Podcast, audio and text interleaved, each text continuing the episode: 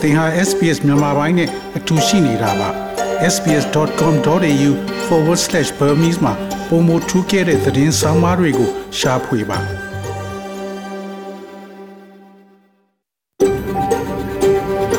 SBS A world of difference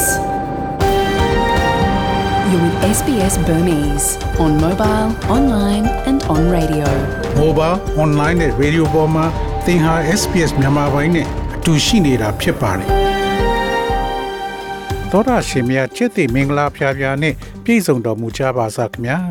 ဒီနေ့မေလ10ရက်အင်္ဂါနေ့မြန်မာပိုင်းစီစဉ်များကို SPS Radio မှစတင်အသံလွှင့်နေပါရခင်ဗျာဒီနေ့အစီအစဉ်များကိုကျွန်တော်ကြော်ထွန်းအောင်ကို Terrell အောင်ကတင်ဆက်ပေးသွားမှာဖြစ်ပြီးယနေ့ပါဝင်မဲ့အစီအစဉ်များမှာတော့ကားထဲမှာပိတ်မိနေတဲ့ကလေးငယ်တွေတည်နိုင်တဲ့ဘေးအန္တရာယ်ရှိဆိုတဲ့ဆောင်းပါး ကိုပြုံးကရခင်မြန်မာစစ်တပ်နဲ့ယခုစစ်အာဏာရှင်စစ်တပ်ကိုနှိုင်းယှဉ်ပြထားတဲ့အကြောင်းဩစတြေးလျရဲ့ဒီမိုကရေစီမဲပေးစနစ်အားကာကွယ်ရန် AEC ရဲ့ခင်မီသောကုကဲမှုစင်တာဖွင့်လှစ်တန်ရခက်ကပေးပို့ထားတဲ့ရုံးကန်မှုဘဝတွေကြားကကြားကန်နေရဆဲ CDM တောက်တိုင်များဆိုတဲ့သတင်းဆောင်မတို့ဖြစ်ပြီးဒီနေ့ကောင်းကြီးပိုင်းသတင်းတွေကတော့ Solomon ကျွန်းမှာတရုတ်စစ်စခန်းထားရှိရေးဟန်တားမယ်လို့ဆို အာဆီယံနီလာသစ်ရှာသစ်မီလို့ NUG ကပြော Fernando Marcos Jr. ဖိလစ်ပင်းရွေးကောက်ပွဲမှာအပြတ်အသတ်အနိုင်ရ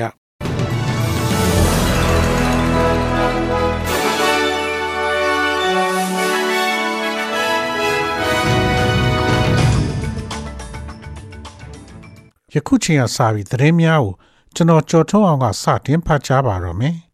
Solomon ကျွန်းနိုင်ငံမှာတရုတ်စစ်စခန်းထားရှိရေးဟန်တားမယ်လို့ဆိုတောင်ပစိဖိတ်ပင်လယ်ထဲက Solomon ကျွန်းစုနိုင်ငံမှာတရုတ်ကစစ်တပ်အခြေစိုက်စခန်းတစ်ခုတိစောက်မဲ့အရေးကိုမဟာမိတ်နိုင်ငံတွေနဲ့အတူဟန်တားကာကွယ်သွားမယ်လို့ဝန်ကြီးချုပ် Scott Morrison ကတနင်္ဂနွေနေ့ကပြောဆိုလိုက်ပါတယ်။မေလ21ရက်နေ့ကျင်းပမဲ့ရွေးကောက်ပွဲမတိုင်ခင် အပြန်အလှန်မဲဆွေနေတဲ့ကာလမှာသူကအခုလိုပြောလိုက်တာဖြစ်ပါတယ်။ Solomon ကျွန်းစုမှာလုံခြုံရေးနဲ့ပတ်သက်လို့တာဝန်ယူလှုပ်ဆောင်မဲ့အစည်းအဝေးသဘောတူစာချုပ်တစ်ခုကိုလက်မှတ်ရေးထိုးလိုက်ပြီလို့ပြီးခဲ့တဲ့လထဲကတရုတ်ကကြေညာခဲ့ပြီးနောက် Pacific ပင်လယ်ပြင်ထဲတရုတ်ရဲ့ဩဇာချဲ့ထွေးမှုဒိုးလာနေတဲ့ကိစ္စဟာ Australia ရွေးကောက်ပွဲမတိုင်ခင် အရေးတကြီးငင်းခုန်အပြေရှားမဲ့နိုင်ငံရေးပု္ပ္ပစာတစ်ခုဖြစ်လာပါတယ်။တရုတ်နဲ့ဆော်လမန်ကျွန်းနိုင်ငံကြားသဘောတူညီချက်ကိုတရားဝင် ထုတ်ပြန်တာမျိုးမရှိသေးပေမဲ့ပေါက်ကြားလာတဲ့အချက်တွေအရ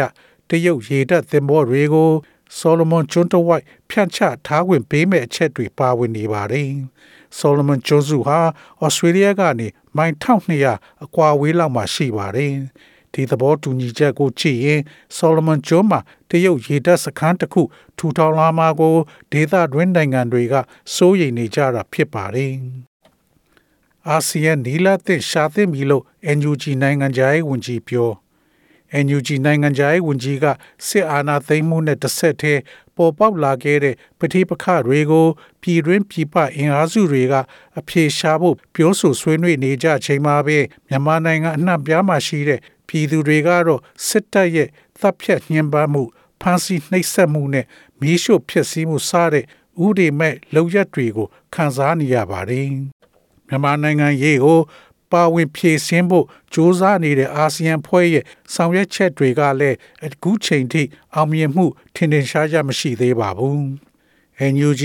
အမျိုးသားညီညွတ်ရေးအစိုးရနိုင်ငံခြားရေးဝန်ကြီးဒေါ်စင်မအောင်ကတော့အာဆီယံအနေနဲ့စစ်ကောင်စီအလိုကျဆက်လက်ဆောင်ရွက်နေမယ်ဆိုရင်အကျိုးဖြစ်ထွန်းစရာလုံးဝမရှိဘူးလို့သုံးသပ်ပါတယ်။ ဒါအပြင်ပြဿနာတွေကိုဖြေရှင်းရမှာအာဆီယံအနေနဲ့ကုလသမဂ္ဂဥရောပစတဲ့တခြားနိုင်ငံတွေအဖွဲ့အစည်းတွေနဲ့ပါပူးပေါင်းဆောင်ရွက်ဖို့လိုတယ်လို့လည်းဒေါ်စင်မအောင်ကပြောဆိုပါတယ်။အာနာသိန်းအဖွဲ့ခေါင်းဆောင်ဗိုလ်ချုပ်မှုကြီးမင်းအောင်လှိုင်ကငြိမ်းချမ်းရေးလိုချင်တဲ့တိုင်းသားခေါင်းဆောင်တွေနဲ့သူကိုယ်တိုင်တွေ့ဆုံပြီးညှိနှိုင်းဆွေးနွေးလိုပါတယ်လို့ပြောဆိုခဲ့ပေမဲ့စစ်တပ်ရဲ့ကြမ်းတမ်းရက်စက်မှုတွေကို နေ့စဉ်ရင်ဆိုင်နေရတဲ့အင်အားကြီးတိုင်းသားတော်လှန်ရေးအင်အားစုအားလုံးကဒီကမ်းလှမ်းချက်ကိုသူတို့အယုံကြည်မရှိဘူးလို့လည်းပြောဆိုနေကြပါတယ်။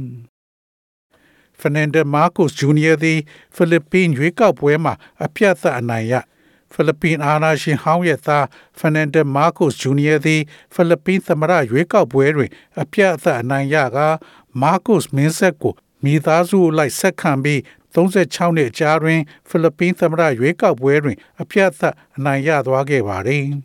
မာကိုစ်ဂျူနီယာသည်မဲဆက်လေးသန်းခန့်ရရှိထားသည့်၎င်းရဲ့အနည်းဆုံးပြိုင်ဘက်ဖြစ်တဲ့နှုတ်ထွက်ဒုတိယသမ္မတလီနီယိုဘရီဒိုနှင့်နှိုင်းရှင်ပါကမဲရီအတွက်သန်း30ကရှိကြောင်းရွေးကောက်ပွဲကော်မရှင်ကွန်မီလက်၏တစိမ့်တစ်ပိုင်းနှင့်တရားဝင်မဟုတ်သောစေရစရာတစ်ခုအရသိရှိရပါသည်ဖိလစ်ပင်တွင်ဘောင်ဘောင်ဟုလူသိများသော မာကုစ်ဂျူနီယာတက်လာခြင်းသည်မာကုစ်မိသားစုရဲ့အမည်နှင့်ပုံရိပ်ကိုမကြသေးမီကဆိုရှယ်မီဒီယာမှတစ်ဆင့်ပြန်လည်တစိုက်ခိုက်ရန်ဆယ်စုနှစ်များစွာကြာကြိုးပမ်းမှုရဲ့အထွတ်ထိပ်ဖြစ်တယ်လို့လေးလာသုံးသပ်သူများကပြောဆိုပါတယ်။တင်းနှင်းလာနေ့နှောင်းပိုင်းမိန်ကွန်းတွေအထက်လွတ်တော်အမတ်ဟောင်းက၎င်းရဲ့ထောက်ခံသူများကိုကျေးဇူးတင်ကြောင်းပြောကြားခဲ့ပါတယ်။ မဲဆွယ်စီယုံစဉ်တွင်မာကုစ်ဂျီနီယာသည်စီလုံးညီညွတ်မှု platform ပေါ်တွင်လှည့်ပတ်ခဲ့ပြီးအလောက်အကိုင်များဈေးနှုန်းချိုးသားမှုနှင့်စိုက်ပျိုးရေးနှင့်အခြေခံအဆောက်အဦများတွင်ယင်းနှမြုပ်နှံမှုပုံမလှုပ်ဆောင်ရန်ကတိပြုသွားပါတယ်။ Australia တွင် COVID virus အခြေအနေ Australia တွင် နောက်ဆုံးအစီရင်ခံစာမှုကာလအတွင်းအနည်းဆုံးလူ36ဦးသည် COVID-19 ကြောင့်သေဆုံးခဲ့ပါတ ယ်။ New South Wales တွင် လူ18ဦးသေဆုံးခဲ့ပြီးယောဂကုသမှုအသစ်1320ခုကိုလည်းကြေညာခဲ့ပါတယ်။ Victoria တွင်သေဆုံးသူ18ဦးနဲ့ယောဂကုသမှုအသစ်12922ဦးရှိပြီး Tasmania တွင်တဦးသေဆုံးကတခြားပြည်နယ်နှင့်နယ်မြေများတွင်ကူးစက်မှုအသစ်1020ခုရှိကသေဆုံးမှုမရှိသေးကြောင်းသိရှိရပါသည်။ တချိန်တည်းမှာပင်ဩစတြေးလျရဲ့အရွယ်ရောက်ပြီးသူသား20နီးပါးသည်ယခုအခါ COVID-19 ကို အပြေးအဝကာကွယ်ဆေးထိုးပြီးဖြစ်ပါတယ်။ Federal ဆိုရရဲ့ Operation COVID Shield ရလူ60.8တန်းသည်အပြေးအဝဆေးထိုးခြင်းသို့မဟုတ်အသက်16နှစ်နဲ့အထက်လူများရဲ့65ရာခိုင်နှုန်းဖြစ်ပါတယ်။လူ73.5တန်းနီးပါးသည် booster shot ရရှိထားပြီးဖြစ်သည့်အတွက်သင့်လျော်သောလူဦးရေရဲ့ 80ရာခိုင်နှုန်းနီးပါးဖြစ်ပါတယ်။တိုင်းသားအင်အားစုတချို့လိုချင်တဲ့ဆွေးနွေးပုံစံထုတ်ပြန်ကြေညာလက်ရှိမြန်မာပြည်မှာရင်ဆိုင်နေရတဲ့အချက်တဲကိုတွေးဆုံအဖြေရှာမယ်ဆိုရင်စစ်ကောင်စီရဲ့ထိုးစစ်အားလုံးအမြန်ဆုံးရပ်ဆိုင်းပြီးပါသင့်ပါထိုက်တဲ့အင်အားစုတွေအကုန်ပါဝင်ဖို့လိုအပ်ကြောင်း KA အမျိုးသားအစည်းအရုံး KNU KA အမျိုးသားတိုးတက်ရေးပါတီ KNPP နဲ့ချင်းအမျိုးသားတပ်ဦး CNF တိုင်းသားလက်နက်ကိုင်အဖွဲ့သုံးဖွဲ့ကမေလ9ရက်နေ့မှာပူးတွဲကြေညာချက်ထုတ်ပြန်ပြီးအာဏာသိမ်းစစ်ကောင်စီအကြီးအကဲဗိုလ်ချုပ်မှုကြီးမင်းအောင်လှိုင်ကတွေ့ဆုံဆွေးနွေးဖို့ကမ်းလှမ်းထားချက်ကိုတုံ့ပြန်လိုက်ပါတယ်။ပြည်ထောင်စုပြဿနာကိုနိုင်ငံရေးအရတွေ့ဆုံဆွေးနွေးအဖြေရှာဖို့တိုင်းသားလက်နက်ကင်ဖွဲ့တွေကအစဉ်တစိုက်တောင်းဆိုတိုက်တွန်းခဲ့ကြောင်းဒါပေမဲ့ လက်ရှိနိုင်ငံရေးအချက်တဲကိုဖြေရှင်းဖို့အတွက်ဆိုရင်အတိတ်ပဲပြေးဝတဲ့တွေ့ဆုံဆွေးနွေးရေးကိုဖော်ဆောင်နိုင်ဖို့အတွက်ထိုးစစ်တွေအများဆုံးရပ်ပြီးပါသင့်သူအားလုံးပါဝင်ဖို့စစ်ပေးသင့်ပြည်သူတွေကိုနိုင်ငံတကာကနေလွတ်လပ်စွာကူညီထောက်ပံ့ခွင့်ပေးဖို့စတာတွေလှုံ့ဆော်ဖို့လိုမယ်လို့အဲ့ဒီလက်နက်ကင်သုံးဘွဲကတိုက်တွန်းထားပါတယ် SBS SBS SBS SBS SBS This is SBS Radio. ငွေလဲနှုန်းမှာတော့ Australian dollar ကိုမြန်မာကျပ်ငွေ1289ကျပ်ရရှိပြီး American dollar ကိုမြန်မာကျပ်ငွေ1804ကျပ်ရရှိပါတယ်။ Australian dollar ဟာ American 69စက်နဲ့ညီမျှပါတယ်။မနေ့ဖြန် Australia တိုက်မှာရှိတဲ့မြို့ကြီးများရဲ့မိုးလေဝသခန့်မှန်းချက်ကတော့ Sydney မြို့မှာအပူချိန်23 degree centigrade ရှိမှဖြစ်ပြီးမိုးအနည်းငယ်ရွာသွန်းမှဖြစ်ပါတယ်။ Melbourne မြို့မှာအပူချိန်16 degree centigrade ရှိမှဖြစ်ပြီးများသောအားဖြင့်နေသားမှာဖြစ်ပါတယ်။ Brisbane မြို့မှာအပူချိန်22 degree centigrade ရှိမှဖြစ်ပြီးမိုးရွာသွန်းမှုတိုးမြင့်လာမှာဖြစ်ပါတယ်။ Perth မြို့မှာအပူချိန်24 degree centigrade ရှိမှဖြစ်ပြီးနေသားမှာဖြစ်ပါတယ်။ Adelaide မြို့မှာအပူချိန်20 degree centigrade ရှိမှဖြစ်ပြီးနေသားမှာဖြစ်ပါ တယ်။ Hobart မြို့မှာအပူချိန်18 degree centigrade ရှိမှဖြစ်ပြီးနေသားမှာဖြစ်ပါတယ်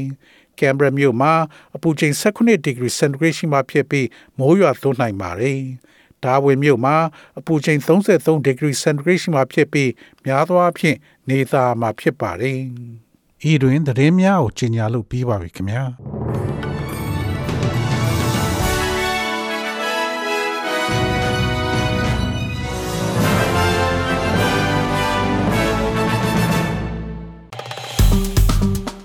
SBS မြန်မာပိုင်းကို Facebook ပေါ်မှာ like ရှာပြီး like မျှဝေမှတ်ချက်ပေးပါ